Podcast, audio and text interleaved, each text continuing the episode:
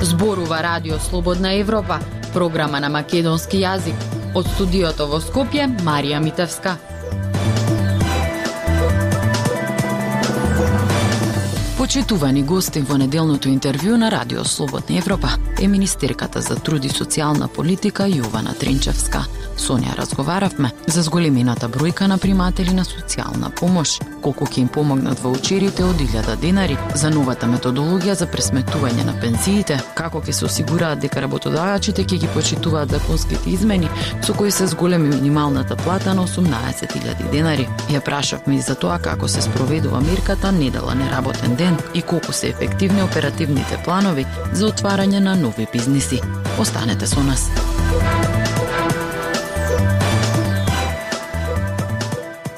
Министерке, бројката на приматели на социјална помош од почетокот на пандемијата до денес се зголемена за од околу 27.000 на над 35.000 домаќинства.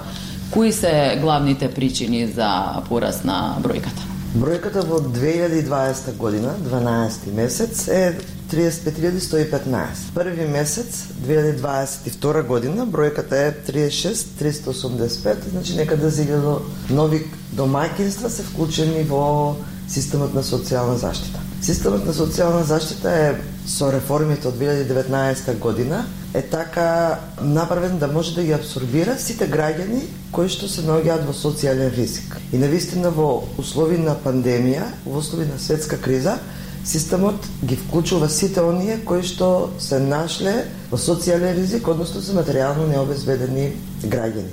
И тоа е добро, затоа што секој граѓанин кој што дали изгубил работно место заради пандемијата со COVID-19, поради економската криза која што е глобална, економска криза не е само нешто што се случува во нашата држава, може да ги вклучи сите оние граѓани кои што се на, материјално необезбедени, односно, како што реков, се нашли во одреден ризик. Бројот на примателите на гарантирана минимална помош покажува дека значи, во тој период од почетокот на пандемијата до сега, илјадо граѓани дали останале без работа, дали ги изгубиле приходите кои што ги имале во тој момент, се нашле во ризик, но државата мисли на сите граѓани, значи приоритет ние како а, држава, како Министерство за труд и социјална политика, да секој граѓанин во одреден момент кој ќе се најде во некаков социјален ризик, да може државата да му даде одредени доместоци. Важно да се каже дека а, реформите на вистина од 2019 година со измената на Законот за социјална заштита даваат резултат и одат кон потребите на граѓаните. Со новите мерки на владата, примателите на социјална помош ќе добијат дополнителни 1000 денари во рок од 3 месеци за купување на основните производи за исхрана. Сметате ли дека овој износ е доволен? Може би износот не е доволен, но на секое домаќинство по 1000 денари месечно, значи во март, април и мај, сите приматели на гарантирана минимална помош ќе добијат надоместок плюс за 1000 денари. Во моментот, сите граѓани кои што се приматели на гарантирана минимална помош, со појавата на прогласувањето на пандемијата во нашата држава добиваат дополнително по 1000 денари и за а, плаќање на сметки за електрична енергија, односно за да можат потребите за енергенсите кои што ги користат да има дополнителен приход во а, нивниот буџет. Може би, како што реков, не е доволно, но интенцијата, намерата на владата е во период на ковид криза, во период на а, економска криза, да покрие што поголем број на граѓани. Во таа насока се и мерките кои што се носат и за а, примателите на гарантирана минимална помош, мерките за финансиска подршка кои што се носат и за пензионерите и, и сите оние останати мерки од пакетот на новите 26 мерки со кои што сакаме да допреме и до граѓаните и до компаниите да им овозможиме на граѓаните полесно да, спра, да се справат со економската криза, меѓутоа и на компаниите во однос на нивната ликвидност. А се размислува ли за зголемување на надоместокот на социјална помош со оглед на фактот дека, како што рековте, сме во енергетска и економска криза и се зголемуваат постојано трошоците за живот, бидејќи овие мерки се на кусрок? Со реформите од 2019 година, надоместокот за гарантирана минимална помош, предходно социјална помош, зголемен некаде да околу за 300%. Значи тој надоместок за разлика од пред 2019 е навистина многу поголем. Четиричлено семејство во моментот со деца во школска возраст или во предучилишна возраст, тој надоместок некаде да околу 11.812.000 денари, плюс надоместокот од 1000 денари месечно за а, енергенсите, дополнително овие 1000 денари сега што ги даваме, значи 13 14.000 денари, едно семејство кое што е материјално необезбедено, е во социјален ризик, добива од државата за да може да ги обезбеди основните социјални потреби во текот на еден месец. Ги спомнавте пензиите, се најави а, нова методологија за нивна пресметка. А, колку би се зголемиле тие од а, септември? Она што е најважно, што треба да се каже дека со новата методологија и со всушност со усвојувањето на измените на законот за пензиско и инвалидско осигурување се овозможи постојан раст на пензиите. Системското решавање на растот на пензиите е она кое што е цел на оваа влада, носење на системски решенија кои што го подобруваат квалитетот на живот на граѓаните. Со новата методологија пензиите ќе се согласуваат 50% од порастот на трошоците на живот и 50% од порастот на просечната плата. Останува два пати годишно да се согласуваат пензиите во март и во септември секоја година и измената на времето на согласување поради тоа што пораст, податоците за порастот на просечната плата од страна на Државниот завод за статистика се објавуваат во март и во некаде да второто полугодие во август, за да можеме тие пресметки и проекции да ги направиме колку би се би било усогласувањето е а, предвидено значи во март и во август. Ако земеме просечна пензија, која што во моментот е 16.300, со новото согласување во септември, пензионер кој што зима просечна пензија од 16.300 има дополнително во својот буџет уште 900 денар.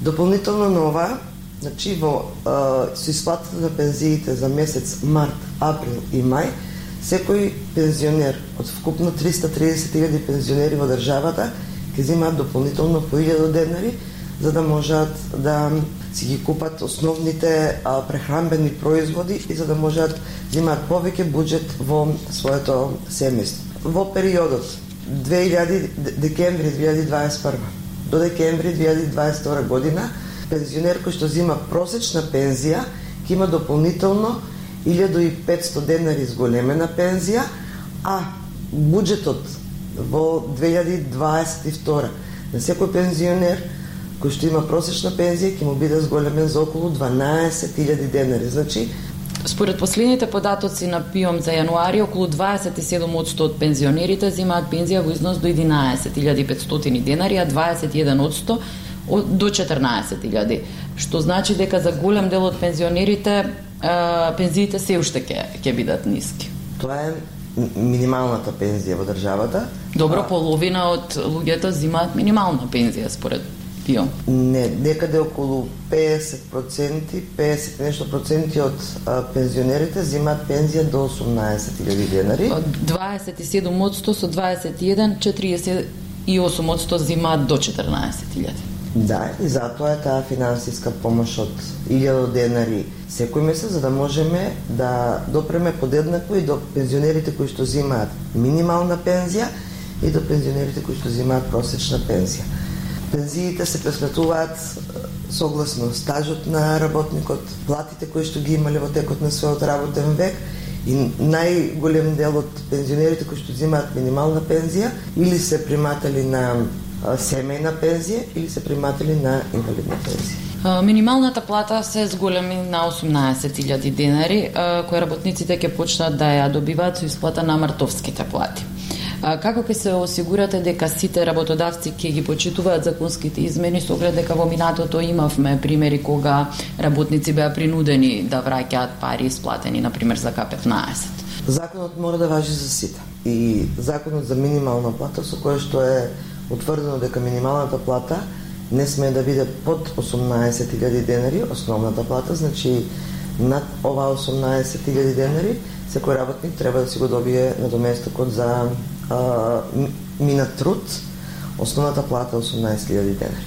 Ова е уште едно системско решавање кое што значи а, постојан раст на платите во државата и овде главна улога ќе има Државниот инспекторат за труд. Ќе бидат зајакнати контролите со исплатата значи на мартовската плата во од април, од 1 април па натаму до 15 април платите мора да бидат исплатени кај сите работодавачи. Државниот инспекторат за труд ќе има интензивни контроли за да а, утврдат дали сите работодавачи ја го почитуваат а, законот за минимална плата. Контролите ќе видат особено во оние фирми кои што и во минатото, а, според евиденцијата на Државниот инспекторат за труд, се јавуваат како работодавачи кои што не ги почитуваат работничките права. Се очекува ли зголемување на останатите плати поради порастот на минималната плата? Минималната плата ја утврдува висината на платата која што треба работодавачот како минимум да ја исплаќа во а, на еден работник. Усогласувањето на останатите плати се регулира согласно колективните договори, општиот колективен договор и гранските и поединичните колективни договори на ниво на работодавач. Значи, усогласувањето на а, минимални на останатите плати со минималната плата треба да биде договор помеѓу а, социјалните партнери и а, односно синдикатот и работодавачите и ќе зависи се од а, тој договор помеѓу овие партнери. А, се вуведе и мерката недела неработен ден. А, како за сега се спроведува мерката? Мерката недела неработен ден, односно измените во Законот за работни односи, со кој што се регулираше дека недела ќе биде ден за неделен одмор, дава одлични резултати. Најголем дел од работодавачите ја почитуваат мерката, податоците кои што доаѓаат од Државниот инспекторат за труд, кој што е институција која што врши надзор над примената на Законот за работни односи, покажуваат дека најголем дел од работодавачите ја почитуваат мерката, не работат во недела, особено во оние де, а, освен во оние дејности кои што се исклучоци во а, Законот за работни односи и дека најголем дел од работодавачите и го исплаќаат на доместокот од 50% додаток на плата за работа во недела. Значи мерката дава резултати, мале бројот на оние работодавачи кои што го прекршуваат законот. А, со новиот оперативен план за 2022 година, околу 2000 нови лица ќе добијат поддршка за отворање на нови бизниси. Се следи ли ефективноста на предходните оперативни планови и колку од бизнисите обстоеле? Оперативниот план за вработување една активните мерки и програми за вработување се на вистина политики кои што даваат резултати и одат во пресред на намалувањето на невработеноста кај оние кои што се пријавени како невработени во а, агенцијата за а, за вработување, особено мерката само вработување и обуки за стекнување на IT вештини даваат одлични резултати и тоа се мерки кои што се 100% искористени од страна на граѓаните. Мерката само вработување, следејќи ги податоците од 2018 до сега, мерката за само вработување дава добар резултат и најголем дел од фирмите кои што се формирани со поддршката од оваа мерка се одржливи до ден денес. Во 2018 година, значи процентот на активност на овие стартапи до сега е 74,2%. Фирмите кои што се формирале во 2019 година се активни 82,3% од овие фирми се активни и денес. 2020 2021 високи 99,8% од овие стартапи се активни и денес. Значи, најголем дел од фирмите кои што се воспоставуваат со оваа мерка со поддршката на Министерството за труд, социјална политика и Агенцијата за вработување имаат одржливост и до ден денешен се активни на пазарот на труд. Го слушавте неделното интервју на Радио Слободна Европа. Од студиото во Скопје со вас беа Марија Митевска и Дејан Балаловски.